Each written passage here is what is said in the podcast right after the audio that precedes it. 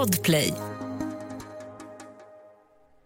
Universitetsstudenten, 19-åriga Christina Anderson, skyndar sig upp för trapporna och in i salen. Hon är sen och lektionen har redan börjat så hon smyger in och tar en av platserna längst bak. Men precis när hon har satt sig ner hör hon och alla hennes kursare hur konstiga höga smällar ekar ett efter ett utifrån korridoren. Christina tycker nästan att det låter som skott. Men det känns så pass osannolikt att det måste finnas en annan förklaring. Det varken hon eller någon av de andra där inne i sal 211 vet om är att en 23-årig man i jaktkläder och svarta handskar har stegat in i universitetsbyggnaden. Huvudentréns dörrar har han kedjat ihop inifrån och han bär på två pistoler, 400 rundor av ammunition och ett hat mot samhället. Du lyssnar på Kod katastrof med mig, Amanda Lång om USAs dödligaste skolskjutning, massakern på Virginia Tech.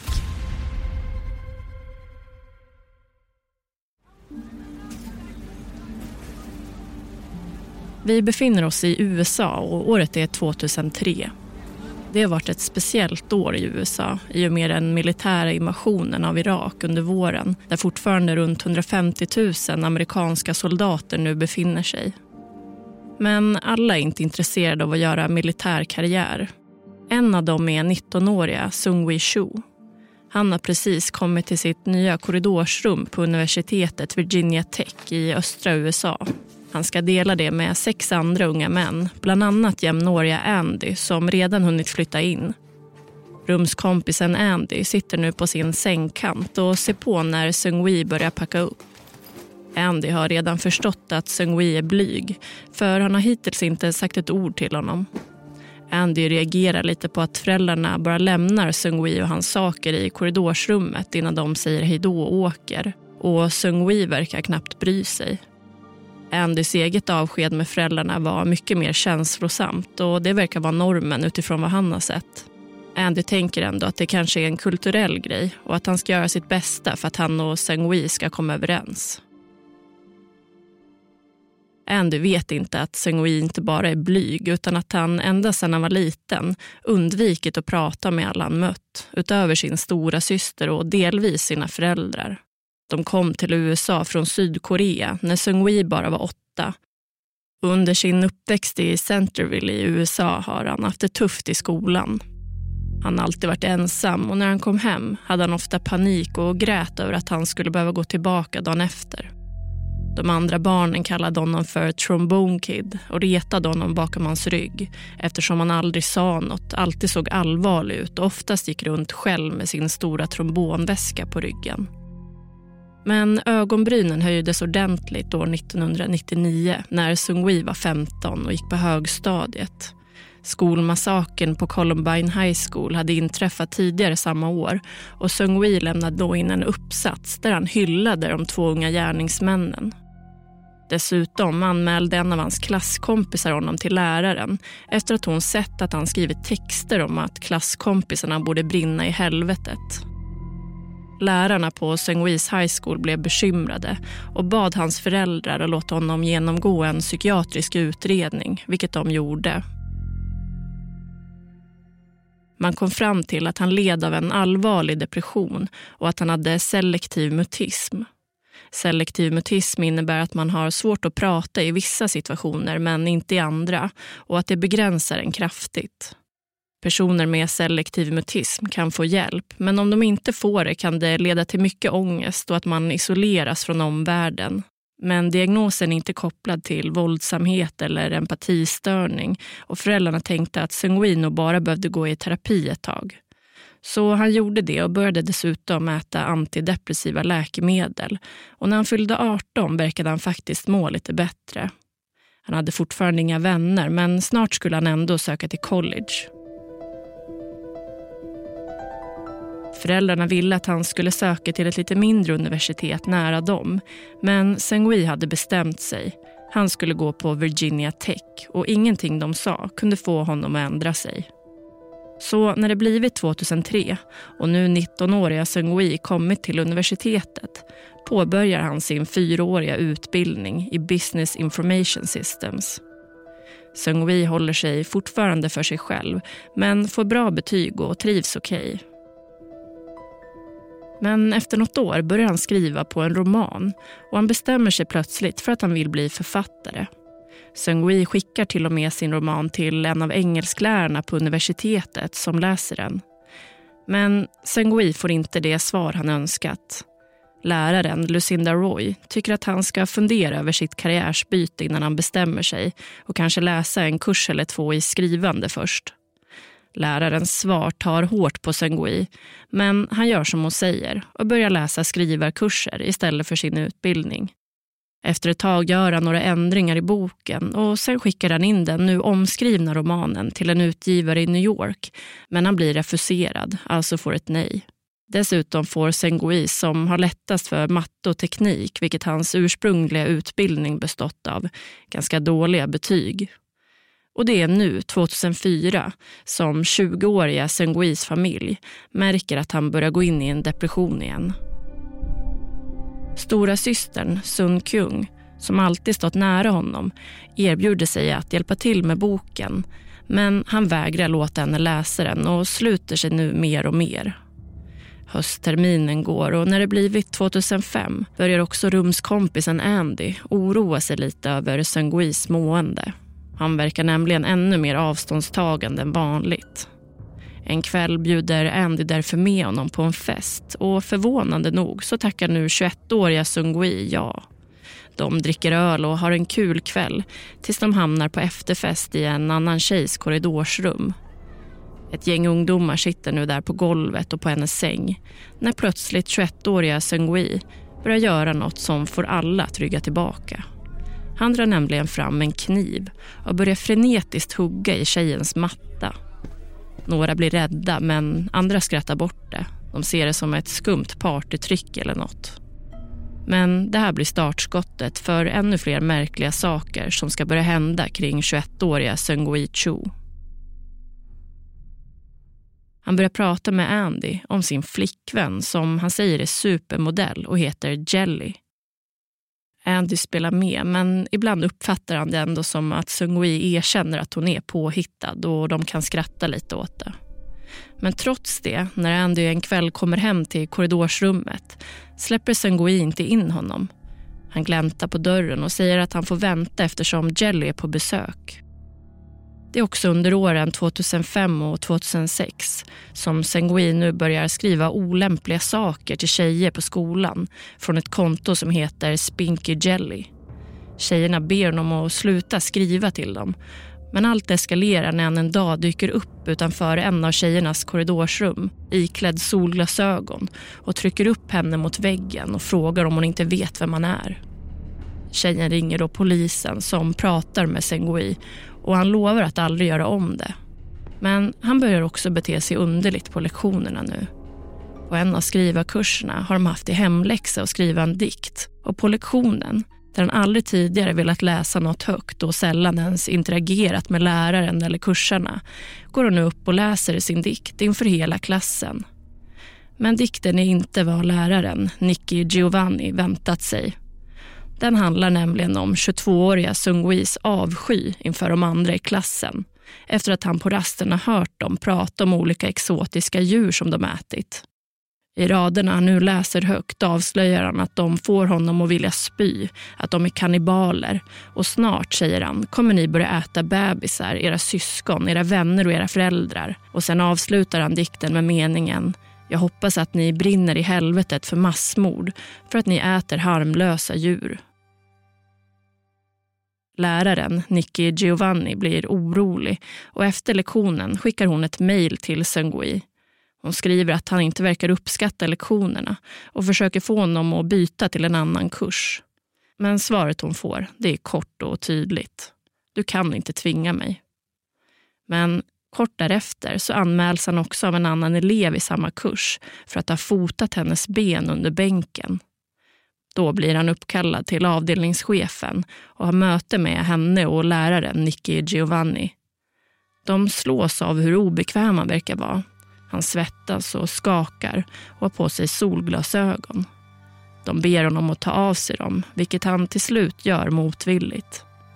De bestämmer att han ska ha privata lektioner med läraren istället och de råder honom att prata med skolkuratorn om sitt mående. Sungui försöker säga att dikten han läste upp bara varit ett skämt men de står fast vid att det bästa nog är att han och läraren ses privat ändå. Men dikterna som läraren tiden efter det här får av Sengui under deras privata lektioner är fortsatt oroväckande. En heter A Boy Named Loser. Den handlar om en ung ensam man utan vänner. Alla andra är normala och glada och kan vara sig själva, men inte han. Den unga mannen får aldrig någon tjej och ingen berättar för honom att han är en förlorare. Läraren tycker att läsningen är smärtsam men är tvungen att se det som fiktion. Hon är ju inte hans terapeut. Dikterna är heller tyvärr inte särskilt välskrivna men läraren godkänner honom ändå. Sengui, som avskräckts efter samtalet med polisen, börjar ändå när det nu blir 2006 trakassera tjejer igen och blir till slut kontaktad igen av polisen. Samma kväll som det händer säger han till sin rumskompis Andy att han vill ta sitt liv. Andy ringer då polisen han med och de hämtar honom och kör honom till ett sjukhus. Där undersöks Ngui och man kommer fram till att han är allvarligt psykiskt sjuk och behöver sluten vård. Men kanske till följd av brist på platser på sjukhuset beslutar man istället att han ska gå ett terapiprogram genom öppenvården. Och om han inte gör det, då kommer han att läggas in. Så Sengui släpps från sjukhuset. Men trots att han tiden efteråt aldrig deltar i terapiprogrammet händer ingenting. Dessutom känner sig 22-åriga Sengui nu också sviken av sin enda vän Andy som ringt polisen. Och Andy börjar faktiskt känna sig lite rädd. En natt vaknar han av att Sengui sitter mitt emot och tar bilder på honom.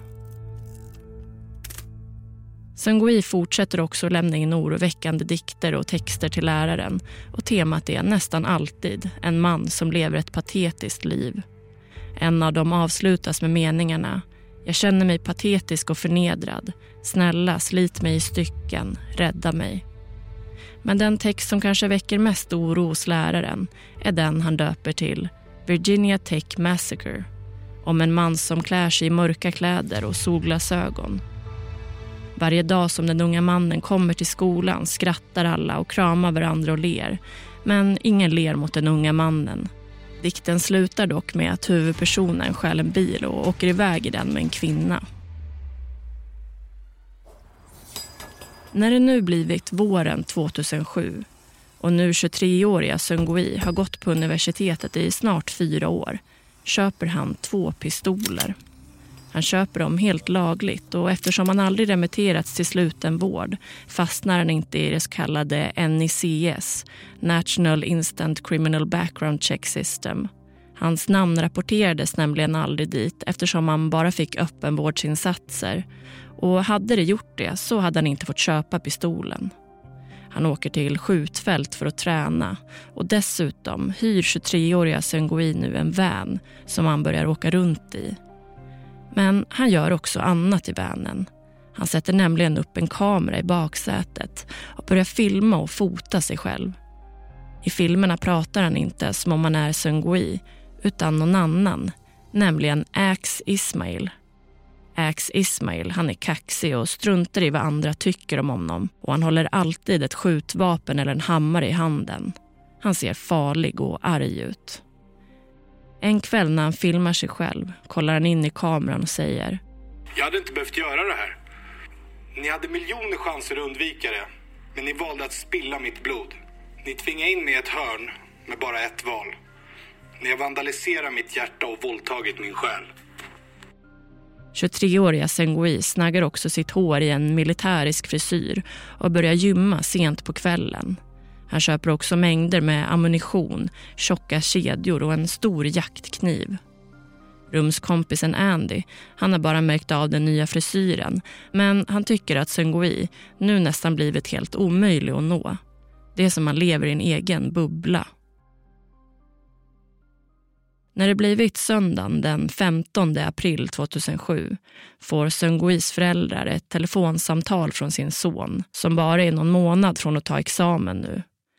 Efter att de pratat en stund om ingenting speciellt säger de hej då till varandra och lägger på. Det föräldrarna inte vet om är att det här är sista gången de ska höra sin sons röst och att inom bara ett dygn ska han ha förändrat livet för många människor.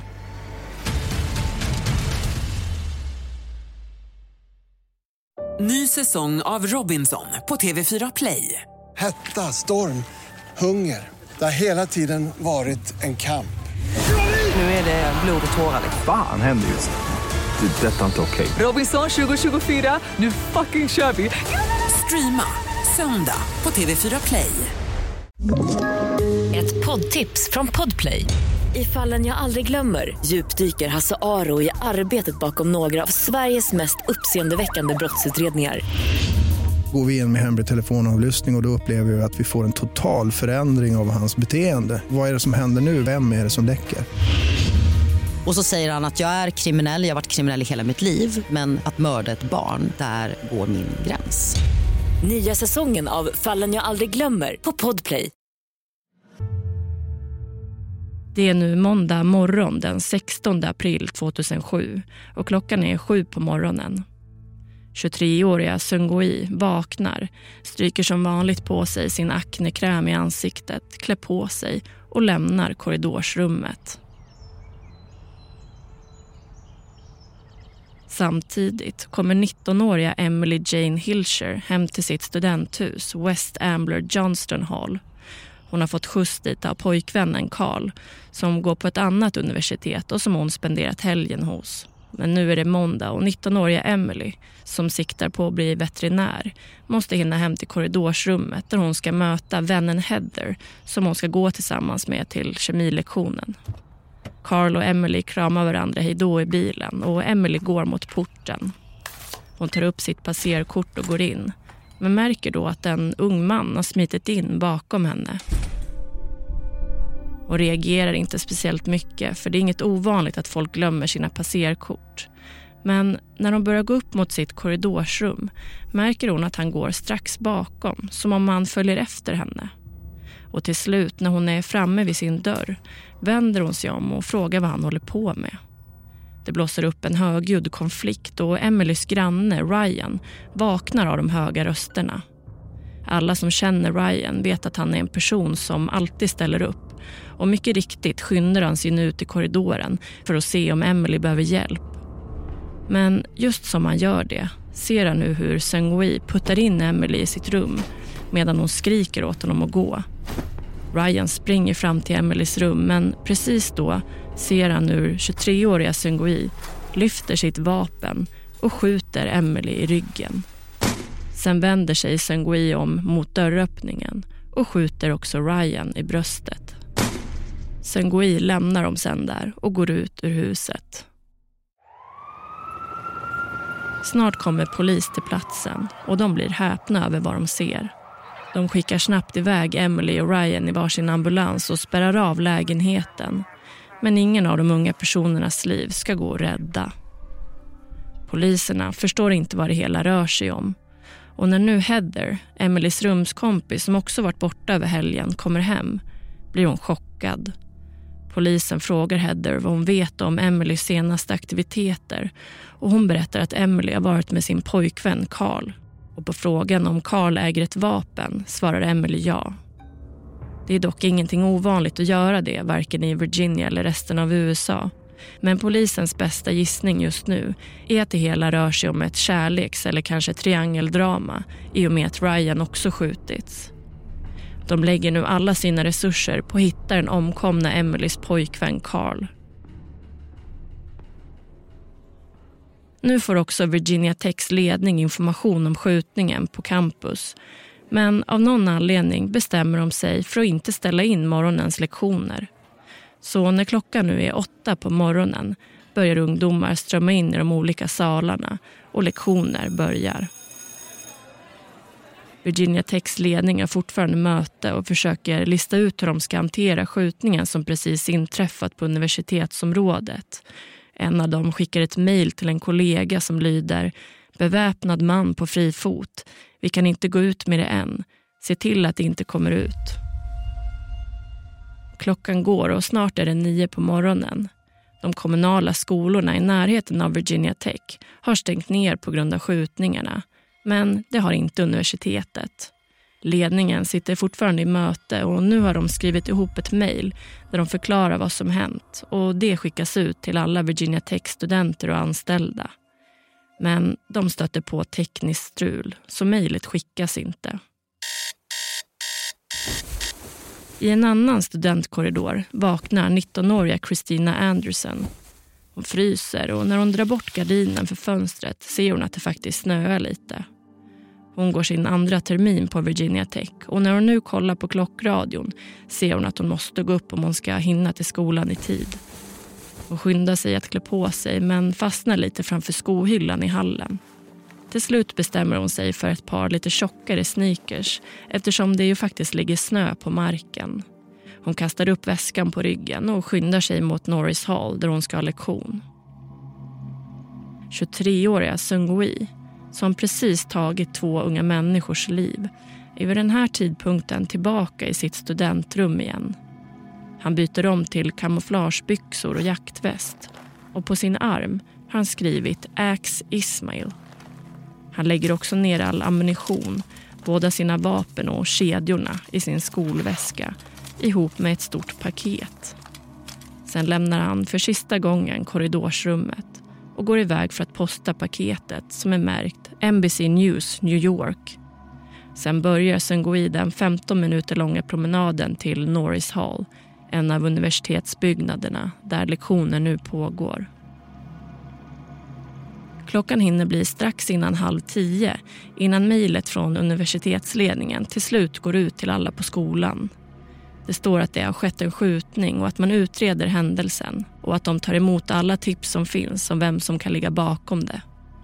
Men år 2007 har varken alla smartphones än eller datorer med sig på lektionerna. Så de flesta som nu sitter inne i skolans lokaler nås inte av mejlet. Polisen har nu fått tag på sin misstänkta, Emelies pojkvän Carl. Han har hört om skjutningen och blivit orolig och därför själv åkt till Virginia Tech när han nu stannas av dem. Men efter att polisen har pratat med Carl en kort stund och undersökt om han har ammunitionsrester på sig inser de att de nog har gått på fel spår. 19-åriga Christina Anderson är snart framme i Norris Hall men hon har inte hunnit äta frukost och hon skyndar sig in på ett fik och köper lite kaffe och en bagel. Och när hon nu sneglar mot sitt armbandsur inser hon att hon inte kommer hinna äta upp. Franska lektionen ska börja om bara några minuter. Hon vet redan att hon kommer bli sen och överväger därför om hon ens ska gå.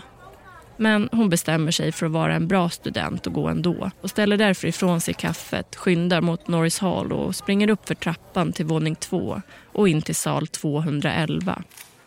Lärarna låser aldrig klassrummen eftersom få av dörrarna ens har några lås. Så hon kan snabbt smyga in och sätta sig längst bak. Precis när hon satt sig där kommer en av hennes klasskompisar också in sent, Rachel Hill. Hon är en högpresterande elev och brukar aldrig vara sen. Men nu berättar hon att det har varit en skjutning i hennes studentkorridor under morgonen och att hon egentligen är för tankspridd för att gå på lektion. Men med tanke på vad som har hänt så vill hon vara på en plats där hon känner sig säker. Det är varken Christina, Rachel eller någon av de andra i sal 211 vet om är att 23-åriga Sung Hui just kommit in i Norris Hall bärandes på två skarpladdade vapen, mängder av ammunition och ett hat mot samhället. Christina, som satt sig längst bak i klassrummet i sal 211 har knappt hunnit packa upp böckerna innan hon och de andra nu börjar höra konstiga smällande ljud. Alla kollar förvånat på varandra. Massskjutningar är vid den här tidpunkten fortfarande ovanliga även i USA så det är få som ens tänker tanken att det skulle kunna röra sig om något sånt. Att det de hör är 23-åriga Seung-Hui som nu skjuter vilt omkring sig i salarna bredvid och redan har hunnit döda både flera lärare och elever. Det finns inte på världskartan. Men när ljuden fortsatt en stund och Kristinas lärare, Jocelyn Novak, säger “Snälla, säg att det där inte är vad jag tror att det är”. Då förstår Kristina att det är allvar.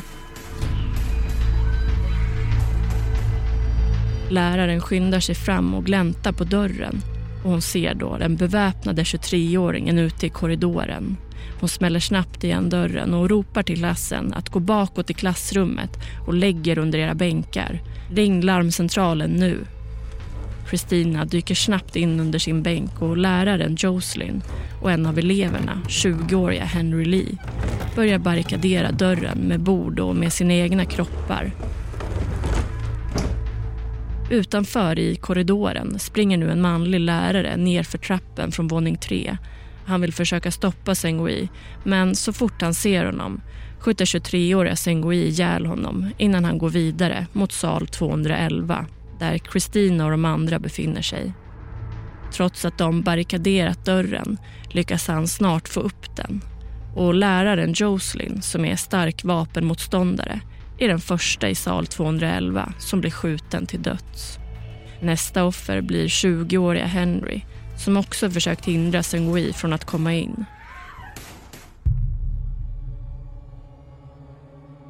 När Sengui skjutit de båda går han sen lugnt och metodiskt längs bänkraderna och skjuter alla han passerar.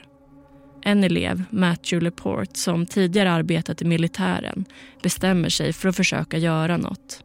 Han kastar sig nu upp mot Sengui i ett försök att övermanna honom men Sengui hinner reagera.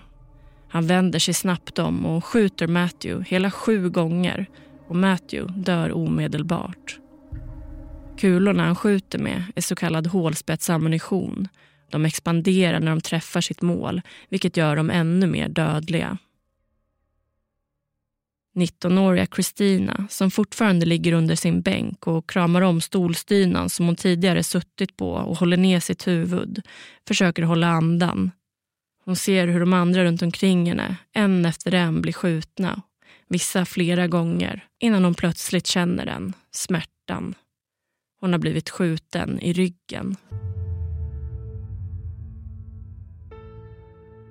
Efter att ha gått omkring en stund i sal 211 går sedan 23-åriga Sengui vidare och försöker ta sig in i något av de andra. I några av dem finns tunga skrivbord som han lyckats barrikadera dörren med. Men i de andra skjuter han mot dem som håller emot så att de träffas och faller ihop. Vissa av salarna går han in i flera gånger. Bland annat 211 där Kristina nu ligger och kämpar för sitt liv.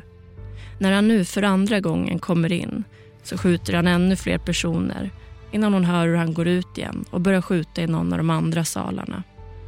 Klockan har nu blivit kvart i tio och polisen som fått in ett första larmsamtal från skolan för tre minuter sedan är redan på plats på Norris Hall.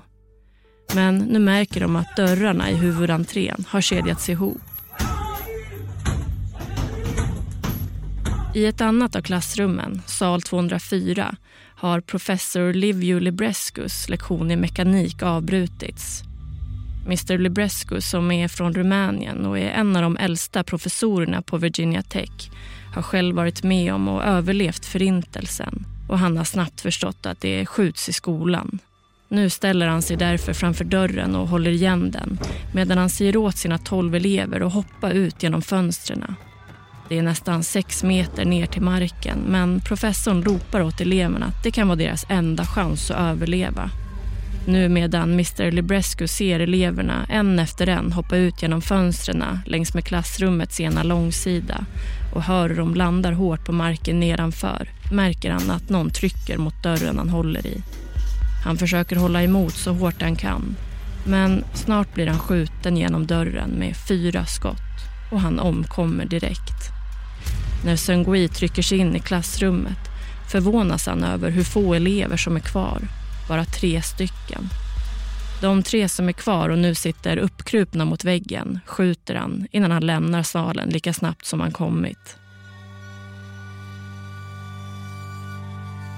Kvar i sal 211 ligger Kristina och de andra som skottskadats och försöker hålla sig vid liv.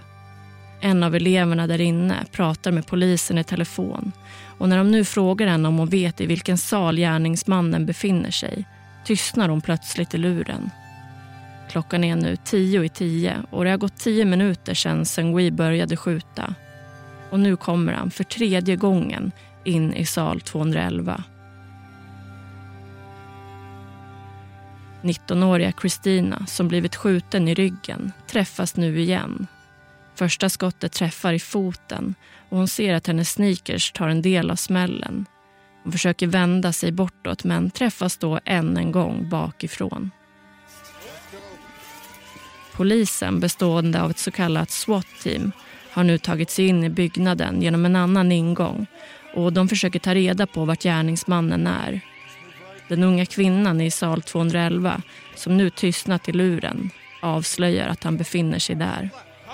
SWAT-teamet börjar genast springa ditåt och när de hårda fotstegen börjar höras i korridoren utanför sal 211 backar plötsligt Sung-Wi. Han ställer sig mitt i klassrummet. Sen lyfter han pistolen mot sitt huvud. Och mitt ibland de elva unga studenter och professorn som han tagit livet av och de sex svårt skottskadade stirrar han nu rakt framför sig innan han avlossar pistolen och tar sitt eget liv.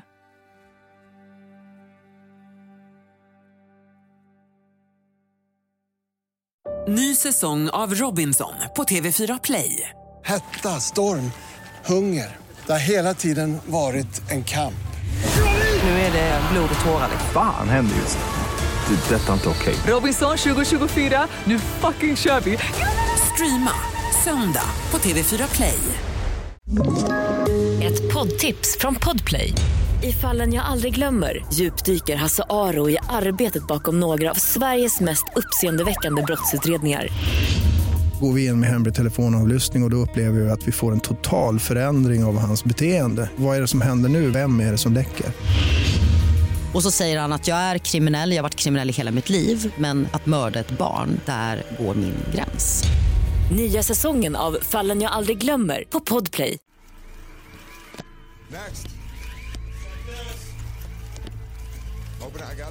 Kort därefter kommer SWAT-teamet inrusandes och ser förödelsen i sal 211. De kan knappt tro att det är sant. En av poliserna ropar “shooter down” och de kan konstatera att på bara 11 minuter har 23-åriga Sung Hui åstadkommit den värsta massskjutningen ditintills i USA. Han har tagit hela 33 personers liv, inklusive sitt eget. 19-åriga Christina som ligger på golvet och tappar mer och mer blod från sina tre skottskador hör nu hur en polis skyndar sig fram och ser på henne. Han pekar på henne och ropar gul till de andra i teamet. Men när han sen granskar henne igen ändrar han sig. Nej, röd. Kristina ska senare lära sig att färgerna står för olika koder på offer där gul innebär att någon är skadad och röd att skadorna är så allvarliga att läget är kritiskt. Snart blir Kristina upplyft av några ur SWAT-teamet som bär ut henne och ser till att hon snabbt skjutsas iväg till ett sjukhus. Efteråt försöker polisen så snabbt som möjligt identifiera förövaren för att klargöra vad det hela handlar om. Men skottet har gjort hans ansikte oigenkännligt. Så är också fallet med flera av de offer som Sengui skjutit på nära håll. När klockan blir 20 över 10 är hela Virginia Tech under så kallad lockdown.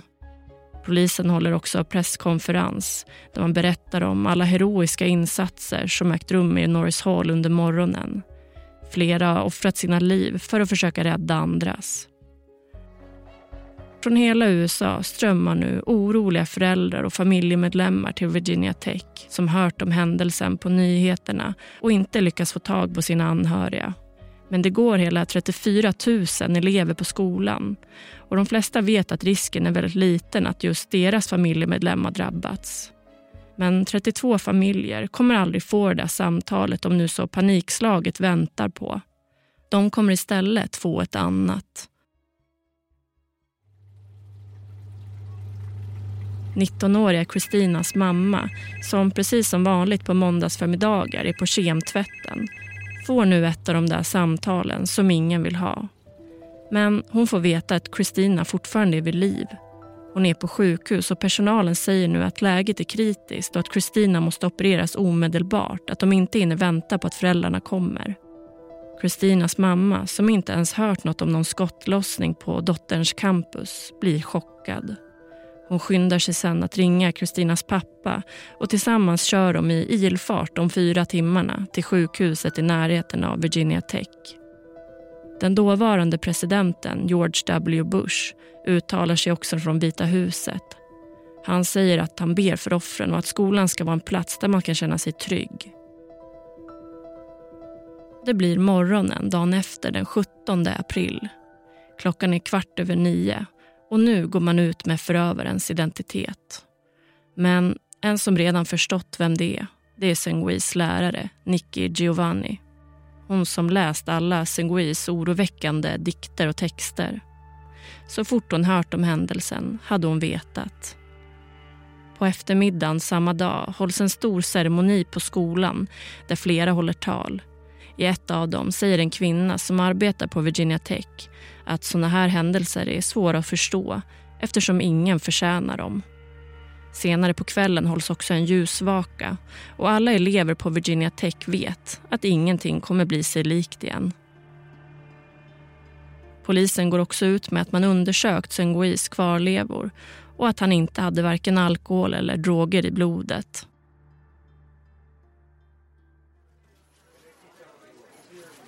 Ännu en dag passerar och det är nu den 18 april som NBC News i New York får ett paket i posten med ett innehåll som ska få dem att tappa andan. Paketet innehåller Sengois bilder och filmer på sig själv i vänen när han håller olika vapen och när han läser sitt manifest till eftervärlden. NBC sänder en del av materialet men lämnar sen över allt sammans till polisen. Det är också nu som Senguis familj skriver ett brev till allmänheten där de ber om ursäkt för vad han har gjort. Det är hans syster som har skrivit det och det lyder bland annat. Var och en av dessa människor hade så mycket kärlek och talang att erbjuda och deras liv förkortades av en meningslös handling. Det här är någon ni växte upp med och älskade.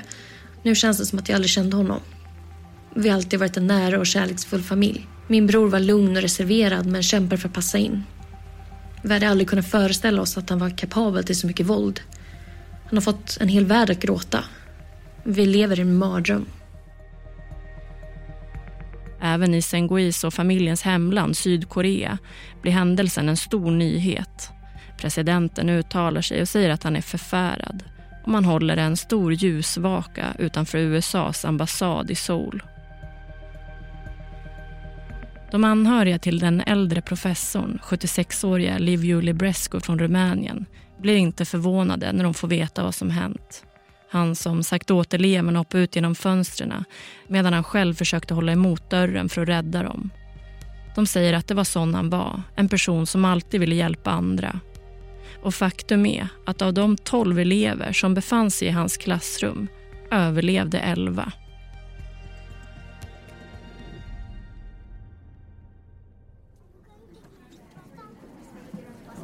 Tiden går och våren börjar gå mot sitt slut.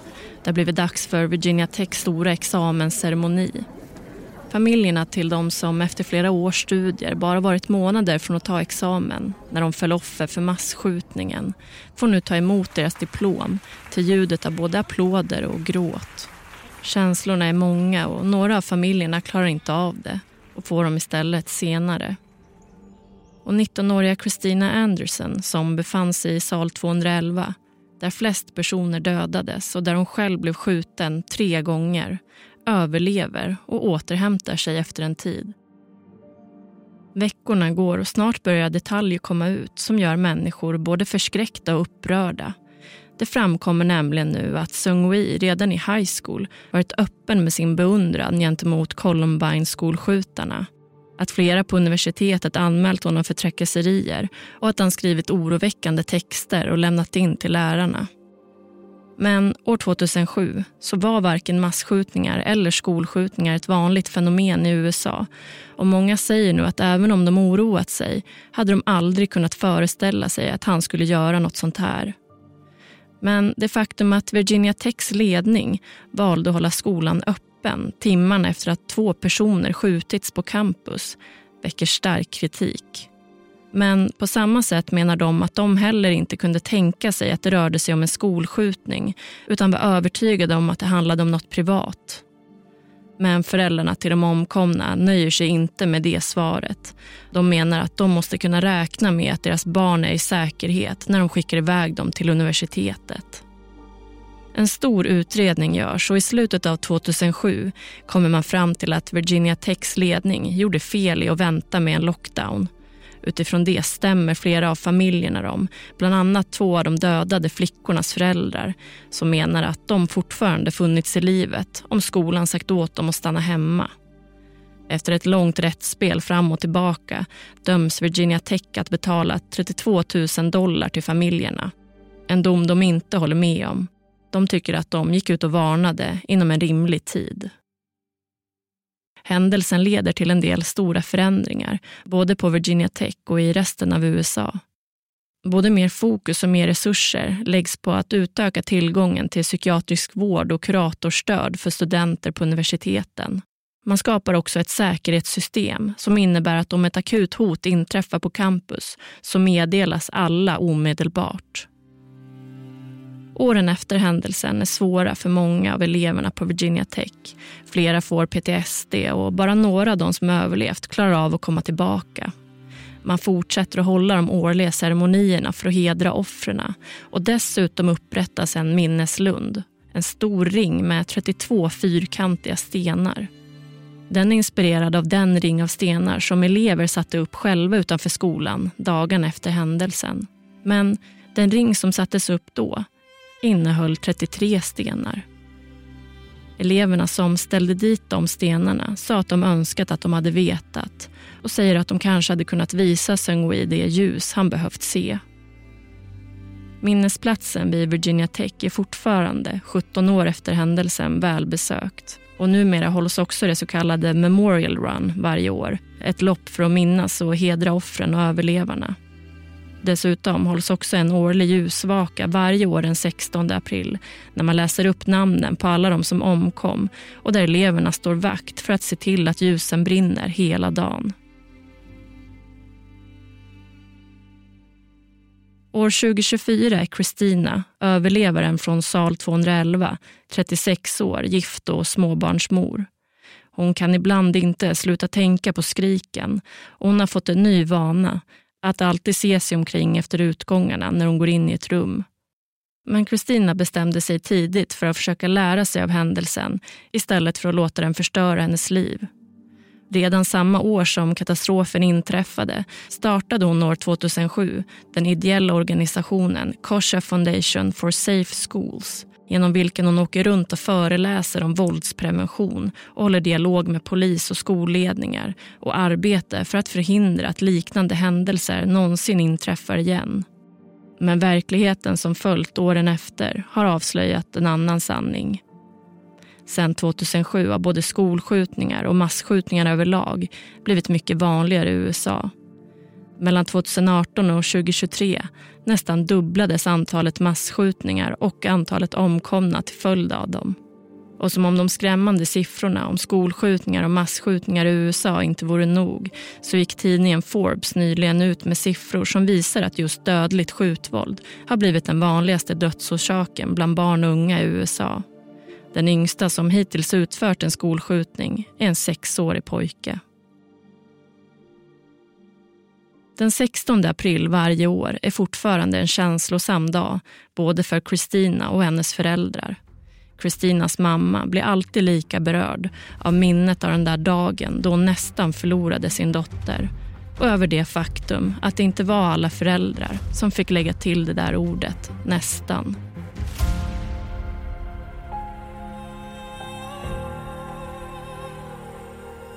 Du har lyssnat på Kod katastrof om USAs dödligaste skolskjutning, massakern på Virginia Tech. En produktion av Bauer Media. Manuset skrevs av mig, Amanda Lång. Producent var Mats Liljenberg och exekutiv producent var Jonas Lindskov. Och det här var det sista avsnittet för den här säsongen av Kod katastrof. Stort tack för att du har lyssnat.